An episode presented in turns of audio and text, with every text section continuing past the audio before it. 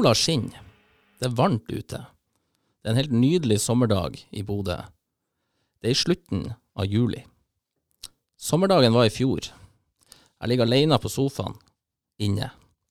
Jeg kunne kanskje tenkt meg en tur ut for å bade, så jeg ser på telefonen og begynner å bla nedover kontaktlista. Ingen er hjemme, ingen å spørre. Timene går, og det blir etter hvert en nydelig sommerkveld. Jeg kunne tenkt meg ut, på kaia, på pub, for å ta ei pils ute i varmen. Jeg ser på nytt på telefonen. Jeg ser på Facebook, på Snap, Instagram. Jeg ser på alle de andre som er så lykkelige, som er ute og bader, drikker øl, flirer og har det bra. Jeg føler det knyter seg i magen, og jeg føler på at jeg er helt alene. I dag skal vi prate om de som er ensomme. De som er ensomme mye lenger enn en vakker sommerdag i slutten av juli. De som føler de ikke er gode nok. De som føler på frykt for at de når som helst kan miste de vennene de har. Hvorfor blir vi ensomme? Hvorfor føler vi på ensomhet? Og hva kan vi gjøre med det? Velkommen til Vallås Rømsnes, som som alltid setter studenten først og fremst. Hei, Svein. Hallo, Øystein. Hei. Hei. Ja. Du, hvor det går med deg? Jo, det går egentlig ganske, ganske bra. Ja, det gjør faktisk det. Ja, Sist uke så var det litt sånn, vi var litt sånn sinte, og nå skal vi føle litt på det med ensomhet. Ja, absolutt. Vi, vi vet jo det at det der er noe som Det er faktisk mange, ganske mange som kjenner på det som en utfordring. Ja, det, er- det, er mange, Det er mange. tror jeg. Ja. Og så tenker jeg jo at det er, det er et så stort tema, men så er det litt sånn Det er så mange grader av det. For at, altså, vi, vi har vel alle Føler vi av og til på ensomhet? Ja. Jeg har også det jeg klare minner fra da jeg sjøl var student. Eh, Jeg har spesielt ett minne som har nesten brent seg litt fast. Og det er når jeg kommer da til eh, Oslo, som jeg, jeg føler meg som en slags sånn gudsord fra landet. Ja. Eh, og skal jo til og med studere teologi i den store hovedstaden. Ja. og sitter på en hybel oppe på Furuset i lag med noen folk som jeg bor i lag med, som jeg ikke skjønner noen ting ut av. Eh, og jeg sitter i vinduet der, og jeg har utsikt nedover hele Groruddalen. Og bare ser alle lysene som skinner der nede. ja. Og jeg tenker på alle de lysene representerer noen folk. Ikke sant? Det er noen hus, det er noen leiligheter. Eh, og her sitter jeg helt alene Ja. Og ser utover hele Groruddalen med alle de folkene. ja. Og ingen, ingen som er hos deg? Nei, det er ingen som, ingen som vet jeg er der engang. Du har en sånn, Denne alenefølelsen blir så enorm at, at uh, det blir nesten litt overveldende. Ja. Eh, Det, og, og det, ja, det, det, er noe, det er ikke noe god følelse Nei. der og da. Det, det husker jeg. Og jeg husker i og med at det har brent Det er jo et par år siden. Tror det var på begynnelsen av 2010 eller noe. Ja. Nei, ok, da. ja. Det var, det var på slutten av 80-tallet. Ja. Eh, sånn at det er jo le- kjempelenge siden, men det, Mm. det gjorde så inntrykk at det, det har satt seg litt fast.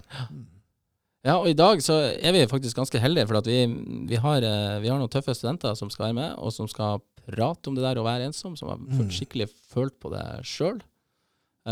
og det syns jeg er veldig fint. Altså. Ingenting er bedre enn det. Det er det ikke. Og så har vi i tillegg med oss da en gjest vi hadde med før, en, en James McGurk, som har vært her og vært her før og snakka om uh, meninga med livet, og i dag skal han være her og snakke om ensomhet. Mm. Det her tror jeg blir knall. Ja. Vi skal se om ikke vi får nærme oss det her temaet. Nærme oss temaet på en god måte. Ja. Da kjører vi i gang. Vi gjør det. Hei, James. Hei, Svein. Øystein. Øystein, mener jeg. Det var en dårlig start. start. Du, eh, velkommen tilbake. Takk skal du ha. Du er- Hyggelig å bli invitert igjen. Ja, du, du, er som eh, du er, Og du er fortsatt professor i filosofi. Det er jeg fortsatt. Ja. Enn så lenge. Enn så lenge. Ja. ja, det hørtes ikke helt uh, bra ut, men uh, Nei, vi hopper på det beste. vi hopper på det beste. Ja. Du, um, jeg tenkte jeg skulle spørre deg når vi skal snakke om ensomhet. Mm. Uh, det er jo litt sånn, litt sånn stort, rart spørsmål, men altså det med hva er ensomhet? Ja. Har du Um, ja, et veldig stort spørsmål, og Mm. noe som du sa også innledningsvis, noe som veldig mange sliter med. Um, en ting som kan være Jeg vet ikke hvor interessant det er, men det er noe vi gjør som filosofer. Ofte Mm. å gjøre en sånn distinksjon mellom ulike begreper, eller skille mellom ulike begreper. Og det er at det er en forskjell mellom å være alene og å være ensom. Ja. Og vi bruker disse ofte som om de er synonymer. For det kan være ofte at vi ønsker å være alene. Det kan ofte Ja. være veldig hyggelig å være alene og trekke oss tilbake. Eh, men det er, alltid, det er aldri eh, ønsket å være ensom. Nei. Så det er noe som er alltid et sånn negativt preget eh, ord, negativt eh, preget følelse. For du kan føle deg veldig ensom i, i en situasjon med mange andre mennesker. Mm. Eh, og selv om du er alene, så kan du føle at du har veldig god kontakt med folk. Så det er bare noe som eh, kan være var sånn interessant sånn innledningsvis Ja. å gjøre den eh, skillet mellom de to eh, begreper. Ja. Og så har vi vel alle på en måte det er liksom, Jeg føler også at det er kanskje forskjellige grader av ensomhet også. Altså, du kan, altså, jeg vil jo tro at de fleste har følt på ensomhet en eller annen gang, på et Ja. eller annet vis, men det er ikke noe som er jevnt over, mens noen føler på det mer konstant eller over lengre perioder. Ja, det, vil så det er noe som eh, er et veldig allmennmenneskelig fenomen. Ja. Som du sier, alle føler seg ensom iblant. Så det er ikke noe som vi kan eh, bli helt kvitt Nei. som er del av et menneskelig liv. Vi blir alltid eh, eh, ensom en, eh, sånn av og til. Men det er eh, et problem når det blir så eh, kronisk. At Ja. man eh, lider med det hele tida. Og også ulike grader. Man kan føle seg litt ensom. Man kan føle at man er litt plaget av ensomhet. Mm. Men man kan også føle at det er noe som begynner å dominere eh, livet. Vi skal komme litt tilbake til det, men skal vi først nå si hei til vår første student. Hei, Helene. Hei. Hei. Hvor det går med deg? Veldig bra. Ja, Ja. og tusen takk for at du kunne komme. Ja, Eh, bare hyggelig. Ja. Hva er det du studerer for noe? Vi starter der. Eh, Jeg studerer sosialt arbeid andreåret. Ja. Og så hører jeg du er ikke, du har ikke sånn nordnorsk dialekt i stemmen. Nei, det har jeg ikke. Hvor du, hvor du er ifra? Eh, Jeg kommer fra Brumunddal. Ja, Mm. hyggelig. Ja. Og du var en av de som meldte ifra at du ville komme hit og prate om ensomhet. ja, det stemmer. Eh, hvorfor, var, hvorfor var det viktig for deg å komme og prate om det? Eh, Jeg synes ensomhet er et veldig viktig tema eh, å snakke om. eh, fordi jeg føler at det er veldig mange som går gjennom det. Kanskje som går gjennom nå, eller som har opplevd det tidligere. Eh, sånn som jeg òg har jo opplevd ensomhet, og kanskje av og til opplever det i ny og ne. Så jeg tenker sånn at det er veldig viktig å få frem ensomhet. At det, det er lov å føle på ensomhet, og kanskje at hvis noen hører på det her, at de kan kjenne seg igjen, da. Tusen takk Mm. for at du kom. Og så har jeg, du har måte skrevet ned litt av historie som du har lyst til å dele med oss. Ja, Så jeg tenker, kan du, har du lyst til å gjøre det nå? det Ja. kan jeg, vet du. Ja. Um, jeg ble mobbet store deler av barneskolen, noe som medførte mye tid alene. Jeg hadde ingen venner, kun anledninger som eh, passet dem. Eh, jeg var alltid sistevalget uansett idrett, eh, lek eller andre aktiviteter. Jeg fikk slengt mange stygge kommentarer etter meg, eh, alltid om utseendet. Jeg ble forfulgt både på og etter skolen. Jeg ble kastet snøballer på, og jeg ble utestengt fra bursdager osv. Jeg tilbrakte derfor veldig mange timer alene, hvor jeg enten satt på en krakk helt alene og ventet på at friminuttet skulle ringe inn, løp og gjemte meg i skogen slik at ingen kunne finne meg. Eh, Jeg gjemte meg i et skur i enden av skolegården, eller gjemte meg på toalettet helt til inspektøren eh, kom og jaget meg ut. Eh, skolen var aldri noe bra opplevelse for meg, ettersom jeg hele tiden følte meg så ensom. Som barn måtte jeg liksom skjule følelsene mine bak en maske, der hvor alt bare var bra. Det siste jeg ønsket, var å virke annerledes eller føle meg mislykket på en måte til familien min rundt meg. Spesielt det å være et dårlig forbilde til lillesøsteren min. Det ønsker jeg det minst av alt. Og hele tiden føle på ensomhet. Eh, føle man ikke er bra nok. At jeg ikke er verdt noe.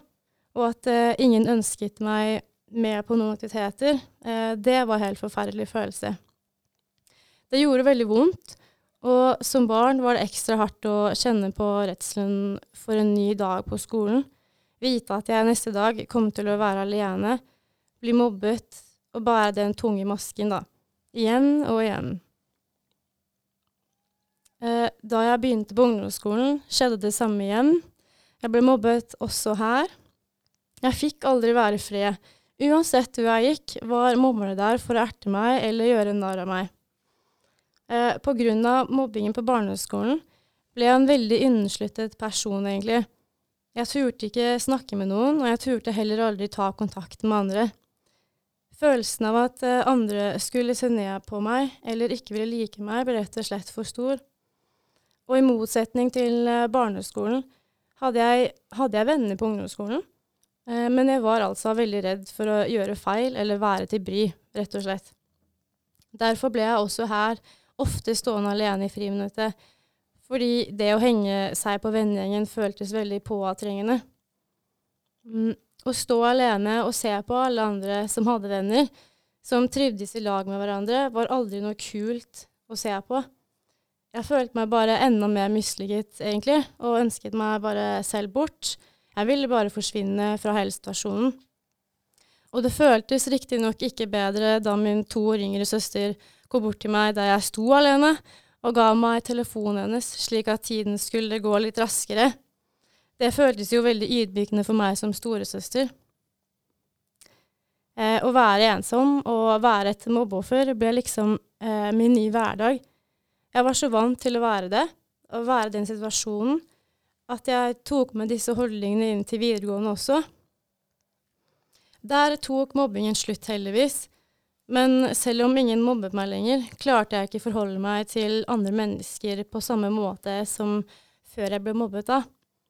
Eh, og selv om jeg hadde venninner og en bra klasse, var tilliten til andre mennesker borte. Jeg klarte ikke stole på noen eller forholde meg til andre, og skjøv også de nærmeste unna, kun for å beskytte meg selv mot flere vonde opplevelser.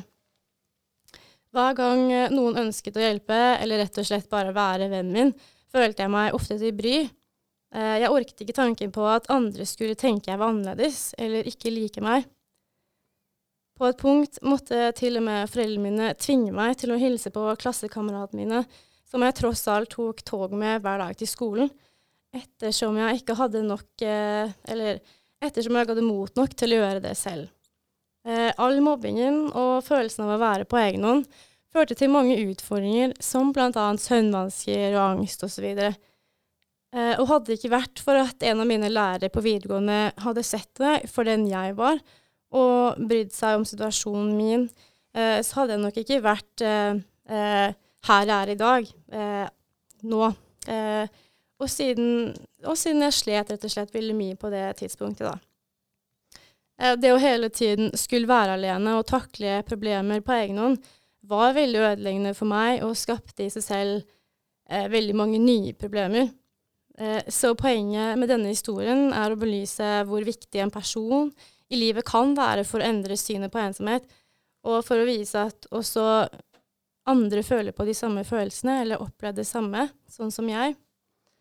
Å være ensom, det kan etter hvert gi alvorlige konsekvenser som f.eks. angst eller depresjon, eh, isolasjon og i verste fall gi selvmordstanker. Så være en venn eller medstudent ved å smile, si hei, eller bare vise at du er der eller bryr deg, eh, kan gjøre store forskjeller. De som ofte er ensomme eller går gjennom en vanskelig periode i livet, viser jo sjelden dette til mennesker rundt seg, nettopp for å ikke føle seg annerledes eller vise svakheter på noen som helst måte. Det var jo sånn jeg følte det. Jeg hadde jo aldri vist at jeg, jeg var ensom til andre rundt meg og vise svakhet, vise følelser. Jeg ønsket jo å være sterk, være på lik linje med alle andre og ikke føle på annerledeshet. Derfor brukte jeg alltid masken i slike situasjoner, nettopp for å skjule virkeligheten. I dag har jeg mange gode venninner og bestevenner som definitivt er med på å bedre livet mitt, og som gjør at jeg føler meg mindre ensom. Men uh, til tross for dette har jeg perioder, dager, hvor jeg fremdeles føler meg ensom. Selv til hvor mange venner jeg har, der hvor jeg føler på et slags tomrom som ingen kan fylle for meg. Eh, der hvor dager fylt med masse aktiviteter, som kanskje frivillige aktiviteter, jobb, eh, også eventuelt sosiale arrangement, ikke hjelper på følelsen av ensomhet. Frykten for å fucke opp de relasjonene jeg har i dag, eller redselen og angsten for å ende opp alene og eh, ensom, vil alltid være til stede. Derfor kan jeg føle jeg nærmest må gjøre meg perfekt for å fremstå som en bedre person, nettopp for å gjøre meg godt likt. Fordi det viktigste for meg, og det jeg tenker veldig ofte på, er jo det å være godt likt. Det er jo ingen som ønsker seg dette, eh, men denne følelsen står nok sterkere hos meg eh, enn hos alle andre, fordi eh, jeg har denne bakgrunnen, da. Så selv om man har gode venner og relasjoner i livet, og alt ser veldig bra ut i dag, eh, kan det være dager hvor ensomhet dukker opp. Eh, jeg har lært meg etter alle disse årene at eh, det kommer til å ordne seg til slutt. Ting bare tar litt tid. Eh, og som sagt over er det viktigste rett og slett å bli sett og eh, bli respektert for den man er, og være et godt medmenneske for andre. Noen få sekunder i ditt liv kan bety masse for andre. Ja, tusen takk, Helene. Det var ei lang og litt sånn, sånn tungt, tung historie å høre på. Ja. Men så var det jo noe med noe, noe, positivt på slutten her, for det går, som du sa, det går, det går bedre nå. Ja. Og, det, og du nevner den der med at det var de opplevelsene på barne- og ungdomsskoler som på en måte prega mye av det, Mm. og sitter mye i fortsatt. Ja. Kan jeg, hvordan var det nå å komme som student? Eh, så du snakker om det å være den lille frykta fortsatt for å ikke være bra nok, Ja.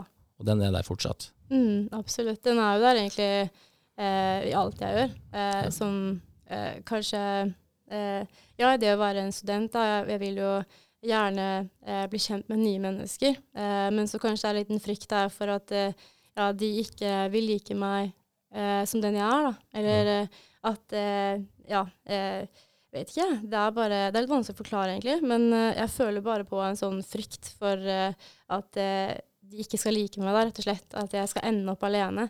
Eh, så jeg føler jo ofte at jeg må være perfekt, på en måte, eller liksom fremstå veldig bra for å eh, kunne For at andre skal like meg, da. Eh, fordi det siste jeg vil, er jo å være alene. Fordi det har jeg jo ikke lyst til. Nei. Det er veldig vanskelig. James, hva du tenker når du hører den historien? her? Ja, jeg er enig. Det er veldig tung å høre. Jeg syns det er veldig modig å, å dele det. Så eh, takk for det.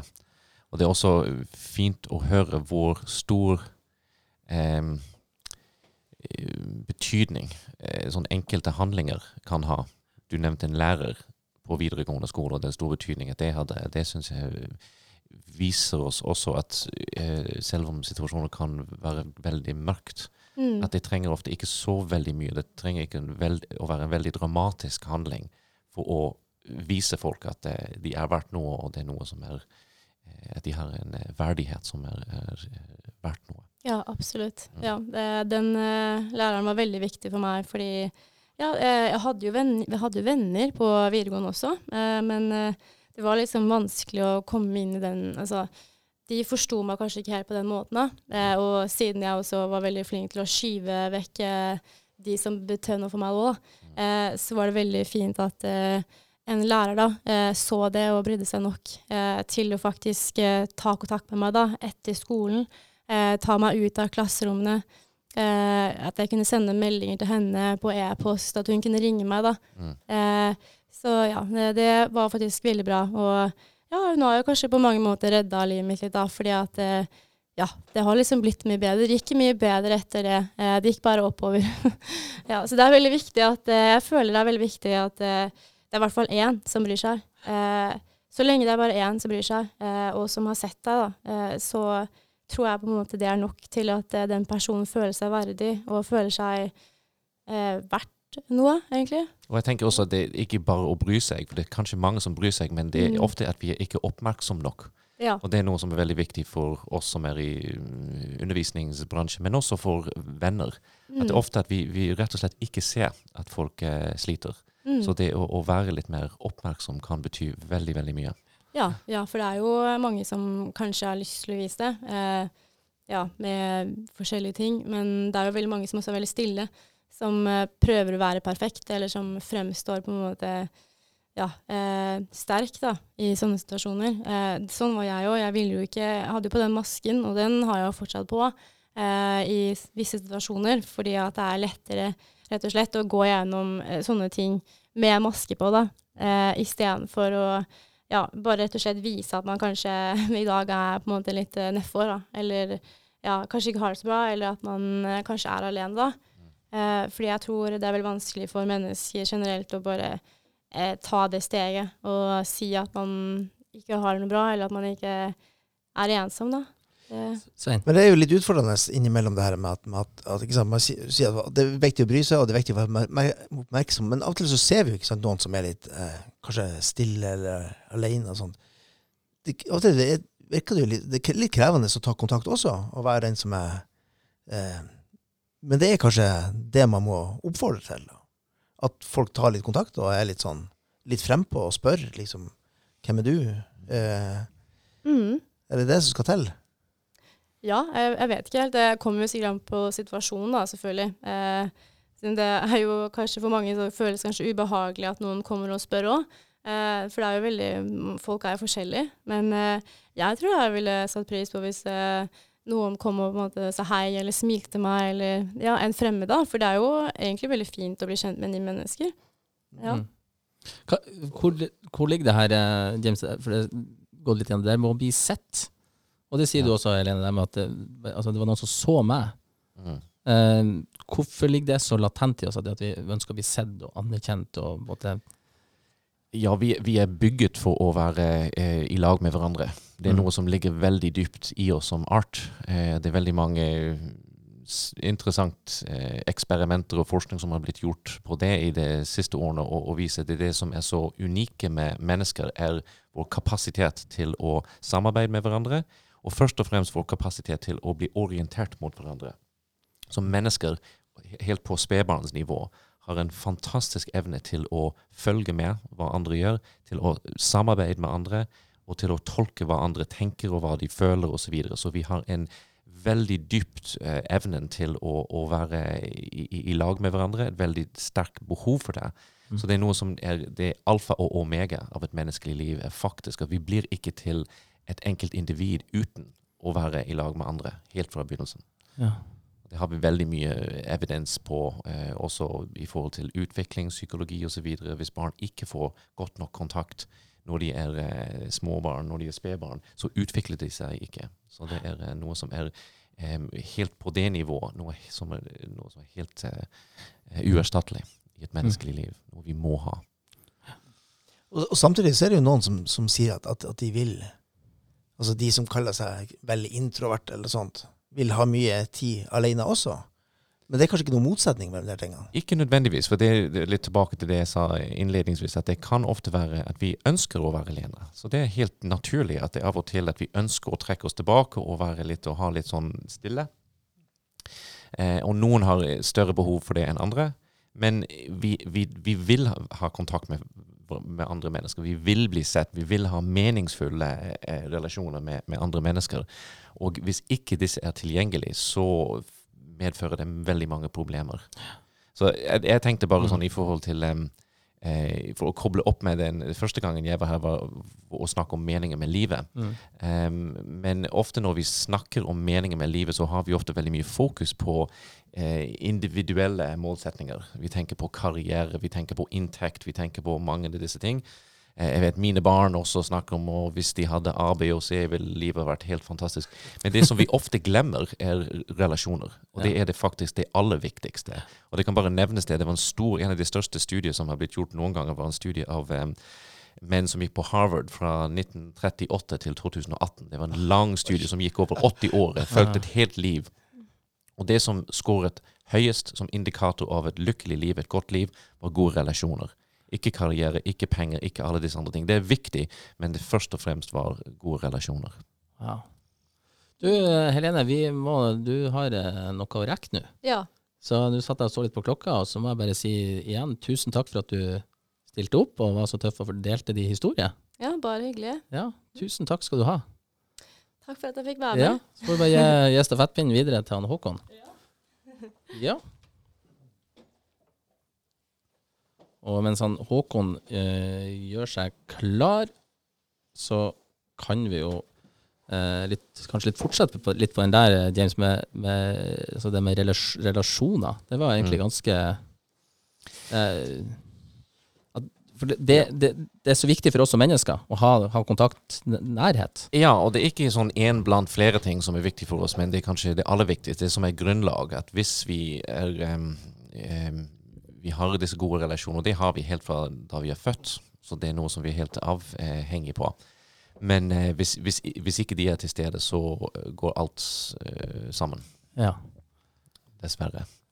Du, da skal vi inn med nett hei. eh, Hvor det går. Det går eh, strålende. Ja. Du heter Håkon, og du studerer Også sosialt arbeid. Også sosialt arbeid. For det var litt sånn morsomt. Dere visste ikke om hverandre at dere skulle være med i den podkasten her. Nei, før. jeg fikk jo vite det i forelesning i dag, faktisk. Ja. Så det var jo litt artig. Ja. Så da studerer du også sosialt arbeid, og du er heller ikke herifra, hører jeg. Nei, jeg er eh, fra Jessheim, eller Gardermoen, da. Gardermoen. Da har du jo kort, da har du jo kort vei hit. Ja, det er jo fortsatt en og en halv time, da. Ja, det er sant. Det er sant. Eh, kan jeg spørre hvorfor du kom til Bodø? um, det var uh, sjuendeplass på lista. Ja. Wow! Der følte vi oss spesielt. Velkommen. Jo, tusen takk. Men uh, hvis det har noe å si, så ville jeg satt det på første nå, da. Okay. ja, så skulle igjen. det er Takk. Jeg har det veldig greit her. Og du meldte jo også ifra at det her med ensomhet var noe du hadde lyst til å prate om. Mm, det er helt riktig. Um, kan jeg da starte med å spørre hvorfor hadde du lyst til å komme hit og prate om det?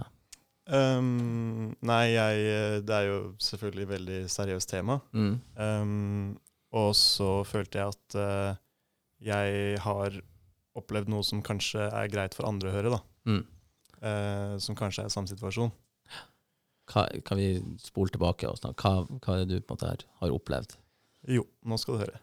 Um, jeg, eller tidligere i år, i januar, så gikk moren min bort. Eh, og det var jo selvfølgelig kjempekjipt. Kjipt er jo ikke riktig ord, men eh, for å si det enkelt. Um, og så for et par måneder siden så gikk, uh, tok også fetteren min livet sitt. Um, og han var en fyr som jeg kunne anse som min bror da, Ja. og bestevenn. Um, så det gikk jo veldig inn på meg, selvfølgelig. Ehm, og jeg har jo alltid hatt folk rundt meg her i Bodø. Um, men når jeg fikk de meldingene om uh, hva som hadde skjedd, så satt jo jeg aleine på rommet og kjente at nå er det bare meg, liksom. Ja. Um, og så begynte jeg også å tenke på sånn Hvor mange venner har jeg egentlig? Er det egentlig faktisk folk som bryr seg om meg? Uh, og egentlig så visste jeg jo at dette er bare tanker som, ikke, som er helt meningsløse. For selvfølgelig er det folk som bryr seg om deg, men du kommer i den tankegangen, og det er veldig vanskelig å komme ut av, da. Mm.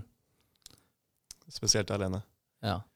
Um, så, og jeg var jo heller ikke alene, sånn sett, men Nei, det er veldig rar uh... Men du følte da på at her skjedde det noe helt forferdelig?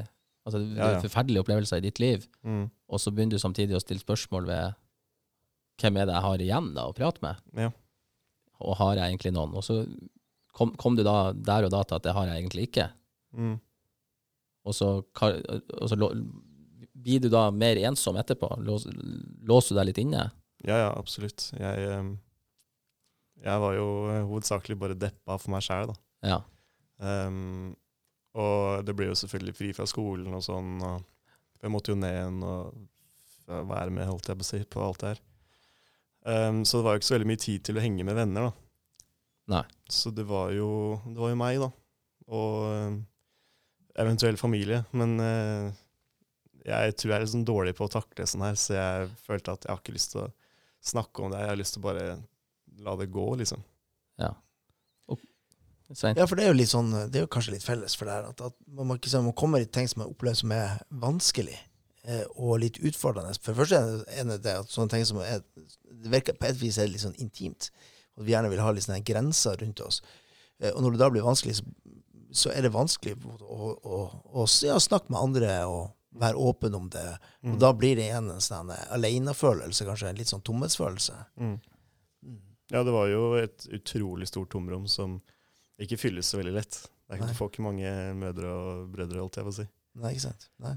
Og det der er jo så klassisk, ikke sant? at, at, at nå er- er det noen som faktisk blir borte, eh, og så sitter man igjen og så kjenner man på det er vanskelig. Men det vil jeg jo tro er for mange av de som ja, Sånn som Helene som fortalte om, om det å bli mobba også. At du blir på en måte alenegjort eh, der også. At det kan bli den her Mm. følelsen av at det, det er meg og universet, og ingenting imellom. Mm.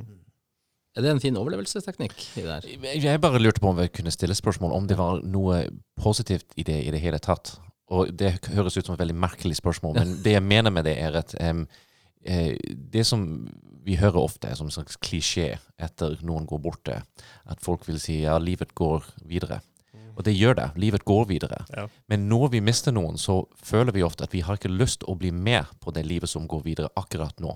Mm. Så det er fint å kunne trekke oss tilbake og tenke nå er det fint å ha et sted å være uten at man skal være med på alt som skjer og alt som går Mm. videre. Fordi Mm. på den ene sida har man forståelse for at livet må, må gå videre. Og det er veldig mange, når du mister noen, spesielt noen i familien, noen du veldig nær, står deg veldig nær til, at det blir et, en, en slags sjokk at verden bryr seg så, så lite. Ja, Egentlig. Ja, ja. Så, men, men samtidig så, så tenker jeg ok, livet må gå videre, men jeg har egentlig ikke lyst til å være med på det akkurat nå, så jeg Mm. trekker meg litt tilbake og velger å være litt. Eller er det treff, treffer det i det hele tatt? ja. eller? Um, jeg er eh, Jeg liker å være litt alene fra før av. Uh, og ikke nødvendigvis bli ensom. Men um, det er en veldig dårlig kombo da, når du først skal holde på sånn her. Um, så ja, jeg, altså jeg hadde jo sikkert muligheter til å sosialisere mer og prøve å jobbe meg gjennom, holdt jeg på å si, men så ville jeg heller bare være hjemme og sutre, holdt jeg på å si. Og jeg tenkte også Helene var inn på det med at um, måten ting fremstår fra utsida. Um, og det er også noe som ikke kanskje i dette tilfellet, men i andre tilfeller at det kan fremstå som om alt går veldig bra for andre hele tida. At det er Mm. noe som øker den følelsen å, å være alene og være ensom. Um, og det er kanskje noe som har alltid vært et problem for, for, i menneskets historie. Det er ikke noe nytt med det. Men det kan også være noe som um, kanskje en del av måten vi kommuniserer med nå til dagens bidrar Mm. til noe sånn sosiale medier og andre ting som Mm. er bygget på sånn lykkehistorier. Det er ikke kanskje et sted hvor du kan gå og, og være i sorg. Nei. Nei, og um, det er jo umulig Altså, hvordan skal man reagere på at noen andre du kjenner, opplever sånn?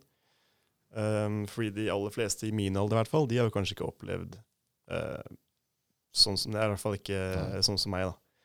Uh, så hvordan skal man takle det, liksom? Um, og jeg, altså En eh, kompis av meg mista jo faren sin for ikke så lenge siden. Og til og med jeg som har opplevd det, veit jo ikke hvordan jeg skal håndtere og reagere det. Um, så Og jeg ville jo ikke at uh, folk skulle reagere på det, holdt jeg på å si. Mm. Fordi da viser jeg liksom svakhet og Jeg vet ikke. Det, men det er veldig, veldig Ja, for du er jo inne på noe her. Det, det, det er jo noe med at når noe sånn der type ting skjer, så, så er det veldig vanskelig å vite helt hvordan man skal gripe det an. Man har lyst til å være forståelsesfull og har lyst til å være grei, hvis du har, men så vet man ikke helt skal, Er det best å nevne ting? Er det best å ikke nevne det? Ja, det er jo ikke noe fasit. Det er jo veldig individuelt. Nei. Hva tenker du her? Du jobber jo litt med det her som prest. Ja, ikke sant. Eh, nei, altså, det, det, igjen, altså, ja, det, for det er jo ikke noe, det er jo ikke noe eksakt vitenskap akkurat det her, hvordan, både hvordan man reagerer individuelt, og hva, hva man kan skal forvente av, av omgivelsene. Eh, og det er jo litt sånn eh, Det er jo sånn at, at denne verden, den tusler og går uansett både hva som skjer, og hvordan vi har det, på et vis. Mm. Eh, så må man føle seg for eksempel veldig alene eller veldig ensom, så, så, så får man rett og slett en blikk utenifra. Man sitter og ser ut eller inn på verden på en måte som går i sin takt der ute, sånn uansett. Um, eh, så greier er jo hva, hva, gjør, hva gjør man for en måte å, å, å komme tilbake og komme på igjen? Uh, når man er i sånn opplevelse, enten man er i en type sorg, eller man er ensom, eller man kjenner at livet butter imot. Uh, hva skal til for at man kommer seg på igjen? Og det er jo det vi ser at mange studenter rapporterer om, at de, de har vanskelig for å komme seg litt på livet igjen, uh, på et vis. Hvordan kom du deg på igjen? Uh, det er jo rutiner, da. Ja. Det er jo enten skole eller trening eller Ja, det er jo hovedsakelig det det blir, da. Men hvordan var det å komme tilbake, tenker jeg, når du liksom Du er i begravelse hjemme, og du er i den der tunge altså, Men på et eller annet tidspunkt, så vi snakka jo om at hverdagen altså James snakket om at hverdagen bare Vi vil gjerne ikke være med på det. Og, mm, mm, men så kommer du liksom tilbake Du kommer jo tilbake til hybelen din like forbanna. Mm. Og det er forelesning. mer. Ja. ja. Nei, um, det er jo jævlig kjipt. Og jeg ville jo egentlig ikke, men uh, så har jeg obligatorisk på onsdager. ja. Så da måtte jeg plutselig dra. Uh, og det funka jo, funka jo fjell, holdt jeg på å si. Ja. Det, du, handler, du må bare starte, liksom. Og det er jo lettere sagt enn gjort. Um, så det hjalp jo veldig å få det dyttet, da. Ja. At jeg må gå, ellers så har jeg kasta bort et, et år, liksom. Så det var det, da var det ikke sånn at For du kunne jo der ha sagt 'jeg gir meg nå faen' i den der eh, Mm. undervisninga også. Mm. Men Ja. da var det likevel noe, noe i deg som Det var noe, noe obligatorisk som, som fikk deg til å komme deg ut og opp. Det var det du trengte. Ja, ja jeg eh, Jeg var vel egentlig mest sur. Ja. Og så sur på at eh, hvorfor faen skal jeg dra på det her? Mm. Det er jo helt uh, absurd at de skal tvinge meg hit nå, liksom. Og så bare jeg vet, vet ikke, jeg, kanskje det sinnet bare drev meg ut. Ja, men da var det jo et fint sinne. Mm. Du, vi var litt innom det i stad, vi snakka om det der med eh, sosiale medier. Og, Mm. og, og Helene snakka om det, og litt du, og det, det der med at eh, vi skal ha den der, vi skal ha den her fasaden. Og, Mm. vi, og det er noe med at vi ikke skal slippe folk inn Ja. til hvem vi er, egentlig. Vi skal i hvert fall se godt ut utenifra. Vise et lykkebilde. Ja. Mm. Hvorfor, eh, hvorfor er det lykkebildet så viktig? Eller hva er, hva er det, og og blir det lykkebildet enda mer eh, mer nå på det aktuelt siden vi har så mange lykkebilder å vise fram? Én ting er at vi ønsker å være lykkelig, så det er veldig enkelt og veldig basal, veldig trivielt. Det hører ikke å si, kanskje. Men også sosiale medier gir oss mulighet til å, å, å skape et eh, livsnarrativ som om alt går fantastisk bra hele tida. Så det er noe som har gitt oss en anledning til å gjøre noe som vi kanskje ikke kunne gjøre før. Så vi kan alle sammen være på en måte eh, stjernen i eget livsfortelling. Eh, og det er noe som sosiale medier oppmuntrer til også. Du får disse sånn påminnelser fra Facebook at her var året ditt, og de begynner å vise deg en type eh, highlights. Eh, presentasjon av siste året, så du, det, blir, det øker en type følelse av å være helt i sentrum av verdenen. Men det er noe som, eh, som eh, da veldig mange folk opplever en veldig sterk diskrepans når den passer ikke med hvordan de egentlig har det, Mm. på den ene sida. Og på den andre sida er det noe som um, det er noe som inviterer oss hele tida til å sammenligne oss med andre mennesker. Og vi sammenligner med et bilde som ser helt fantastisk ut. Folk har det bra hele tida. De drikker champagne på strandene. De gjør alle disse fantastiske ting mens jeg sitter alene på rommet Mm. osv. Så, videre. så det, det er noe der med en, noe som en helt naturlig eh, ønske hos mennesker, å være lykkelig og, vel, og ha et godt liv. Men, men det er noe som, som har kommersialisert det på en måte som faktisk kan være veldig skadelig, rett og slett. Ja, så du sier at, at den vellykketheten, ikke sant, den, den egentlig så er den et resultat av en type pengemaskin som står bak og, og skal Absolutt. pushe ting på oss. Ja, absolutt. Så det er penger, det er noen som tjener penger på det. Ja, ikke sant? Ja. ja.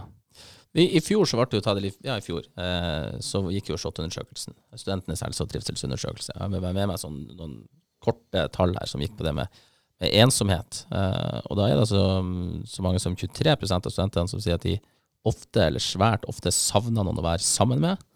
Mm. Eh, og så er det 17 som svarer at de ofte eller svært ofte føler seg utenfor. Og det her er altså tall uh, som har økt fra 2015 til forrige til nå. Ja. Uh, så mitt første litt sånn åpne spørsmål er jo altså, hvor, hvorfor er vi der at det er flere og flere, og det er flest unge også, som føler seg utenfor og ensom? Hvorfor er hvorfor er det sånn, tror du? Altså, Men bare for å si at det er eh, ikke kanskje det som er det viktigste her og nå, men det, det er ikke bare ungdom, det er også eldre folk. Ja. Det er også veldig gode statistikk på Ja. det at folk som er eldre føler seg veldig alene Ja. og veldig ensom. Og det er også noe som, Mm. som er koblet til eh, store problemer med helse. Hjerteinfarkt, demens, slag, mange andre ting nettopp. som er koblet til det. Eh, så det, det men, men det er, som du sier, et veldig stort problem, og et problem som øker hele tida blant eh, yngre folk.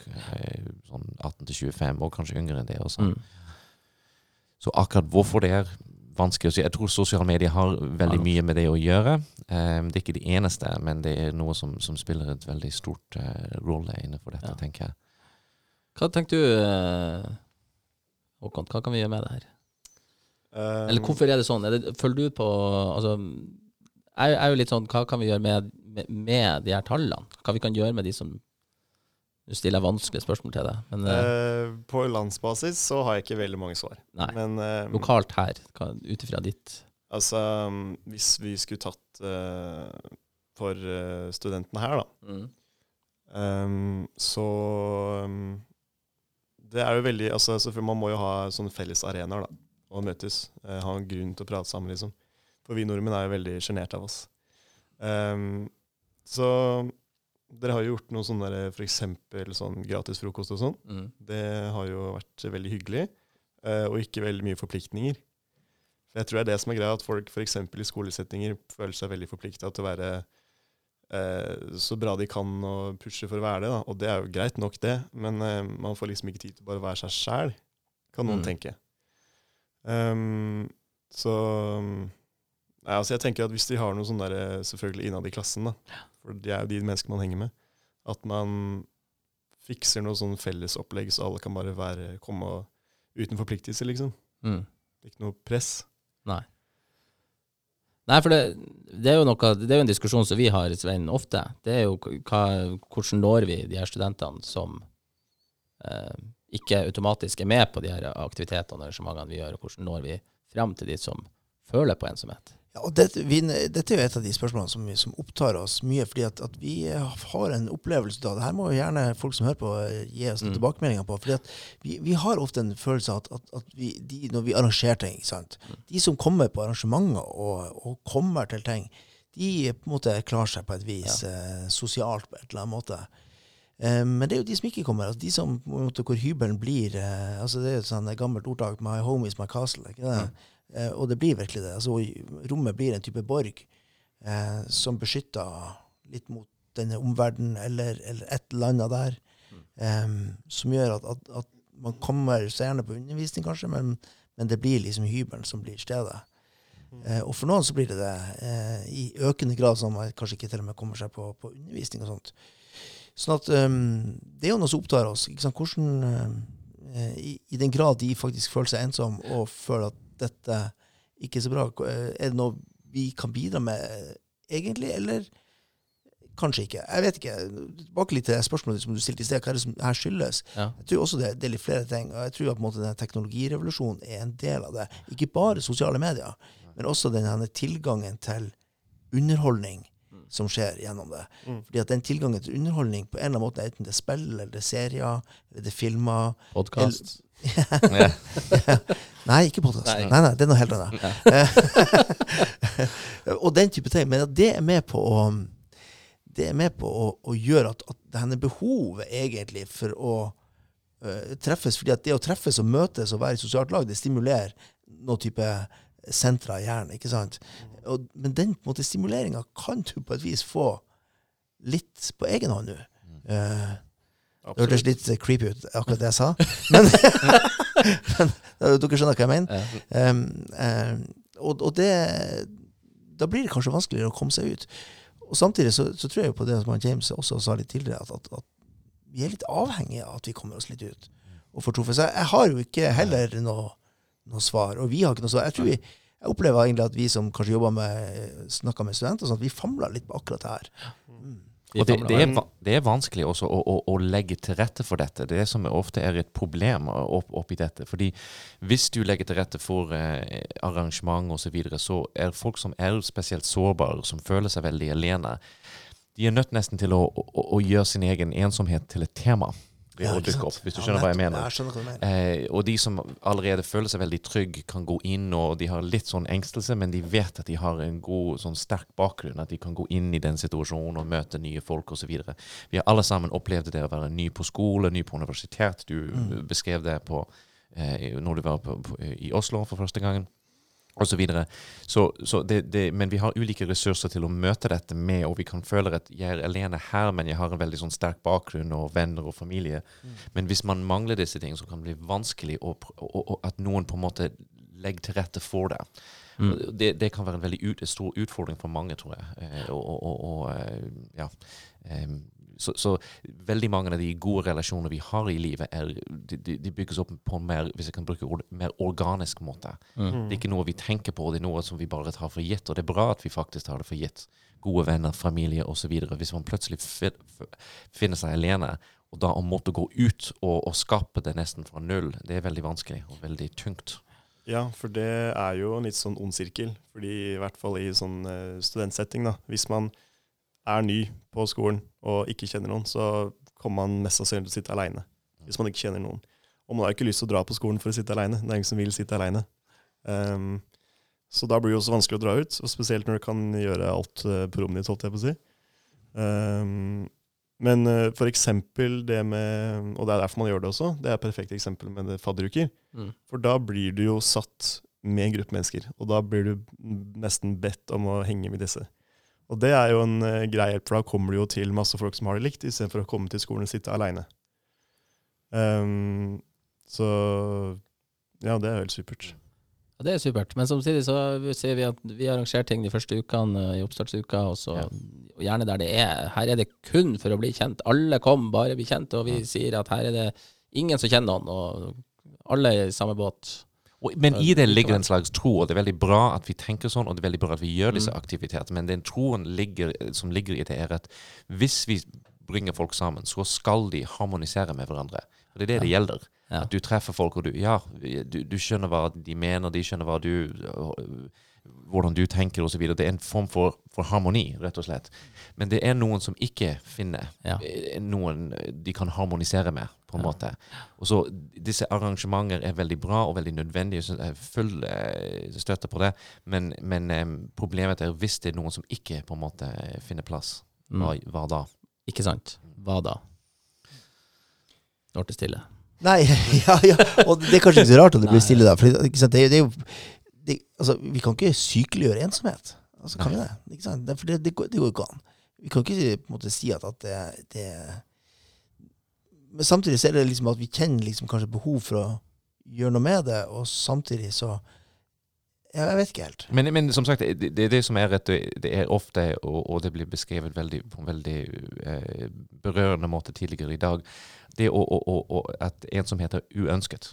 Og at, det, at man er, på en måte føler seg tvunget ut av eh, fellesskapet. Eh, og det er, det er ikke noe som skal sykkeliggjøres, jeg er helt enig med det, men det er iallfall et veldig sånn stor eksistensielt problem for veldig mange. Mm. Ja, og da er det kanskje igjen at det her, jeg håper å si, digitale verden kommer inn og maskerer litt dette her. Og ikke sant, selv om du på en måte du kanskje kjenner på noe grunnleggende ensomhet, så, så kan du på en måte på hybelen maskere den litt grann med å være måte i, sammen med dine virtuelle venner eller virtuelle opplevelser eh, som er med på en måte å gi denne type lykkelighetsfølelsen. Det er jo mye eh, undersøkelser som viser at, at spill og filmer og serier er med Mm. på en måte å gi deg den type følelsen av type velvære. Ja. Sånn at det kan maskere på en måte kanskje en grunnleggende ensomhet. Så hva, hva, skal vi, hva skal på en måte da budskapet være utad eh, til, eh, til de som sitter litt rundt på, på hyblene? Eller er det ikke til den budskapet skal gå til, eller til alle andre budskap skal gå til? Men, men det er, en, det er et, etter min mening en ganske tvetydig fenomen, som du snakker om nå. Fordi um, det er en måte å, å, å være i lag med andre mennesker. Det er ikke noe som er bare et negativt fenomen, det med det virtuelle verden. Og vi er faktisk i en situasjon hvor det, det er nesten en slags skifte mellom den reelle, den virkelige og den virtuelle verden. For det er veldig mange som bare så lenge det er wifi, så er det, så er de, det, det er OK. For mine barn spør ofte, uansett hvor vi skal, om det er Stockholm eller New York eller Dublin, har de wifi. Så lenge de har det, så kan de være i kontakt med folk. Så det er noe så at en skifter med måten vi ser på hva som er virkelig, og hva som er eh, virtuell.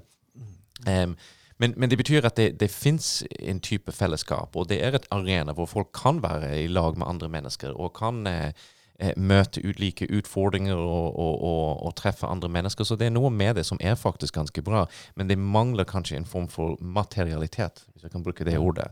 Nemlig at man ikke har ikke den sånn fysisk kontakt med, med andre mennesker. Og det er noe som man kan på en måte hoppe inn og ut av, og som eh, i, i noen tilfeller litt sånn mindre forpliktende enn en andre type fysiske situasjoner. Mm. Håkon, hva du tenker med altså, nett og fi, altså det å finne, finne tilhørighet og finne, finne, finne mennesker og uh, jeg syns det er veldig fint, jeg. Um, Fordi jeg vet at når jeg var litt mindre, uh, så var jeg, jeg, var, jeg var ganske klein jeg var mindre. Uh, eller innadvendt er kanskje litt bedre ord. Um, men når du har ting som f.eks. Snapchat, da. Det er jo Du kan jo Det blir jo ikke helt fysisk som du prater om, men det blir jo litt det når du ser et bilde og du ser en tekst, ikke sant. Mm. Um, og det syns jeg er ganske Det hjalp meg veldig, da. For du, du kan sende harmløse snapper om alt og ingenting, til og med folk som du ikke har så veldig mye med å gjøre, som du ser én eller to ganger i uka. Um, og så kan du bare skape et vennskap derfra, da. og liksom øve deg, holdt jeg på å si, på, på å prate med nye folk. Um, så jeg tror ikke jeg hadde vært den jeg var i dag hvis jeg ikke hadde Hvis jeg kunne snakke folk på nettet, da. Ja. For, det blir, for da, da kan du tenke hva du skal si, og da sier du ikke noe dumt, og så mye lettere å hente seg inn, da, alt jeg på å si. Ja, for det er en form for fellesskap, det er en form for samfunn. Det er en form for å, Mm. å være i kontakt med andre mennesker, og kanskje spesielt noen av de nye For det er også nyanser innenfor det sosiale medieverden. Eh, Snapchat, eh, en del andre er, handler mer om mer kanskje direkte kontakt med andre mennesker, mens andre er, har den type én til flere modell, spesielt Facebook, Twitter. For du, du vet ikke hvem du adresserer, du vet ikke om du blir hørt eller sett ved å, å gjøre det, og det er noe som upersonlig i det, som kan også føre til, og det er gode bevis på det også, kan føre til ganske mye engstelse, men, men det er som sagt det er ikke å undervurdere at en sosial medie- og internettverden er også noe som tilbyr en form for fellesskap som kanskje ikke eksisterte før. Mm. Så det er ikke bare et negativt fenomen. Men det er litt sånn å, å, å ha en slags balansert forhold til det. Absolutt. Hvor det er verken noe som er negativt, eller noe som er uten, sånn entydig positivt. Det er interessant det der, det du sier om sant, at, at, Facebook det er liksom noe som er ute til alle, men, mens, mens Snap og, og noen andre er liksom one to one, eller én til noen utvalgte eller bestemte folk, eller, Mm. eller når du er med. Så det er en annen type, faktisk en annen type kommunikasjon det. Har jeg ikke tenkt Ja. over engang, men det, det har du jo helt rett. Det har veldig mye å si på hvordan vi, vi Hvis jeg snakker direkte til deg, så oppfører jeg meg annerledes enn hvis jeg bare roper noe ut til, til gjengen. Ja, og det er kanskje derfor at unge i dag i liten grad bruker Facebook. Iallfall mitt inntrykk. I hvert fall- Veldig lite. Ja, ikke sant. Veldig lite. Ja, ja, ikke sant? Ja, det skjer på andre typer plattformer. Mm. Ja. Men uh, hvis vi nå nærmer oss en uh, slutt her um, Jeg var litt, litt sånn på hva, hvordan møter vi Altså, alle vi andre, eh, folk som er ensomme. Altså, vi var litt innom det i stad, med det handler om litt om å bli sett. Og, har du noen tanker, råd, tips til er oss. Um, uh, nei, altså det er jo det, er det det står på mest, da, det å bli sett og sånn. Um, man trenger ikke gjøre noe så veldig stor greie ut av det. Bare et uh, par ord, mm. hilser hei. Um, ja, det er, jo, det er jo nesten fasiten, egentlig. For det handler om å ikke starte med Halla, hva skjer med deg de neste tre ukene? Ja. Det handler om bare å si hei, og så kan du fortsette med å kanskje snakke litt mer et par dager etterpå, eller bare fortsette jevnt, da. For, for noe så helt uh, idiotisk egen eh, erfaring jeg har gjort på det her, uh, altså mine egne, når jeg, liksom jeg, jeg liker veldig godt å være for meg sjøl og være alene. Uh, men da er det veldig godt å vite at jeg har hatt muligheten til å dra ut. Ja. Jeg har hatt Mm. muligheten til å gjøre ting. Invitasjonen, liksom. Ja, eller jeg, jeg vet at jeg kan jo gjøre noe annet, men jeg velger Ja. å være her Ja. alene. Mm. Det er forskjellen mellom å trekke, fra å, å trekke seg ut og bli tvunget ut. Ja, Så det har veldig mye å si. ja det, har, det, har, det, altså det er noe der. Ja. I hvert fall for min egen del. At, uh, Men det er også noe som vi, vi, en del av, eh, av altså, det, er ikke, det, er en, det er et kulturell fenomen som vi har eh, hatt i mange hundrevis av år, spesielt i vestlig kultur, at vi er veldig opptatt av individet. Em, og det er på godt og vondt, for det er veldig mange positive trekk med det også. Men, det, men i, i, i det seneste tiden har vi også hatt en veldig uh, stor satsing på selvrealisering. At det er viktig å, å ha et lykkelig liv, et godt liv osv. Igjen noe som er helt bra at vi, vi tenker slik, men det kan være noe som egentlig fører til en type isolasjon. Vi føler at vi er ikke, vi er ikke klart oss godt nok, vi er ikke presterte godt nok osv. Noe som, som forsterker en følelse av, av å være alene. Eh, av å være mislykket på, på, på andre måter. Så det er kanskje viktig også å tenke litt på hvor, eh, at avhengighet er ikke noe negativt. Det er noe som er en, en viktig del av et menneskelig liv, og det er viktig å se på andre i livet ditt og vise litt og, og være oppmerksom. Vær oppmerksom.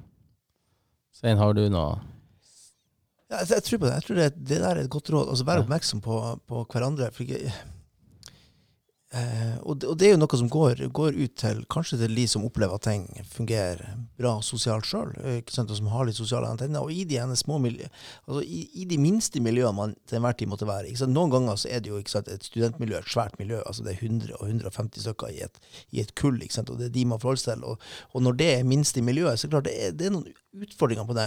Men det er også mange som fungerer i, altså i klassesammenhenger, i gruppesammenhenger. Og at i de her minste miljøene man er i, så må man måtte prøve å være oppmerksom på hverandre. ikke sant? Og, og det, det, det er kardemommeloven som gjelder. altså Vær snill og grei, og, Mm. og, og prøve å se hverandre og snakke med hverandre. Og, oppvise en interesse, altså, altså hvem man er. Um, og så er det lettere sagt enn gjort for mange. Og klart at En utfordring for de som måtte føle seg ensomme, er jo det at de forsvinner litt inn i sitt eget sinn, gjerne. ikke sant? Altså Man kjenner på at uh, når man kommer ut til folk, så blir man oppmerksom på egne følelser og egne eh, egne, ikke sant? hva man gjør, og hvordan, hva tenker andre om meg, og, og man får en del sånne ting, fordi man er ikke så vant med å hake inne alle de sosiale eh, verktøyene på et vis, som, som raskt er med på å bestemme. Så sånn, sånn sett er vi ul, veldig ulike. Um, og da eh, tenker jeg at da, da, er, da er det greit at vi har liksom noen holdninger med oss i et sånt for eksempel et studentmiljø som sier at man skal snakke med prøve å snakke med flere, man skal på en måte være oppmerksom på hverandre. Det, det synes jeg er et Også når du føler ensom sjøl. Ja. Hvis du skjønner hva jeg mener. Fordi Mm. noen ganger føler vi ensom fordi vi kanskje tenker for mye på oss sjøl. Og, og, og det kan være, det kan høres litt brutalt ut å si det på denne måten, men poenget er mer at hvis vi også føler eh, ensom, kan det også være en måte å bearbeide dette ved å se litt på andre og snakke med andre. Og, Ja, Det er jo et råd vi ofte gir til de, spesielt de som kommer og, og har erklært at de har på en måte litt sånn sosial angst, eller noe sånt, så, så er et av triksene å, å få oppmerksomheten utover. For sosial angsten er jo ofte preges av en veldig fokus på de tingene som skjer inni en. Så det, det tror jeg på. Det tror jeg på. Uh, går det an å si også at uh, det her er litt sånn todelt uh, ansvar? Vi har vært, vel inne på det. Altså det med at vi, vi, vi har et, alle et ansvar for å være oppmerksom og prøve å se og være hyggelig og grei, men, men så også kanskje går det an å si at føler du deg ensom og føler på det her, så prøv å komme deg litt ut også. Mm. Prøv å ja, utfordre deg sjøl litt. Ja, fordi eh, det går jo ikke an å kommunisere ordentlig med folk som ikke vil bli snakket med. Nei. Altså Hvis noen vil sitte aleine, så skal det veldig mye til for å få noen til å endre mening, helt uten at de har lyst i det hele tatt.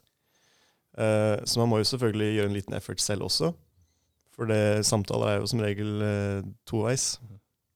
Og som du sa sjøl, du måtte på en måte tvinge deg tilbake til hverdagen. Det var ikke noe som skjedde av seg sjøl, det Mm. var ikke noe som gikk over. Du måtte gjøre det selv om det var en kamp. Mm. Mm.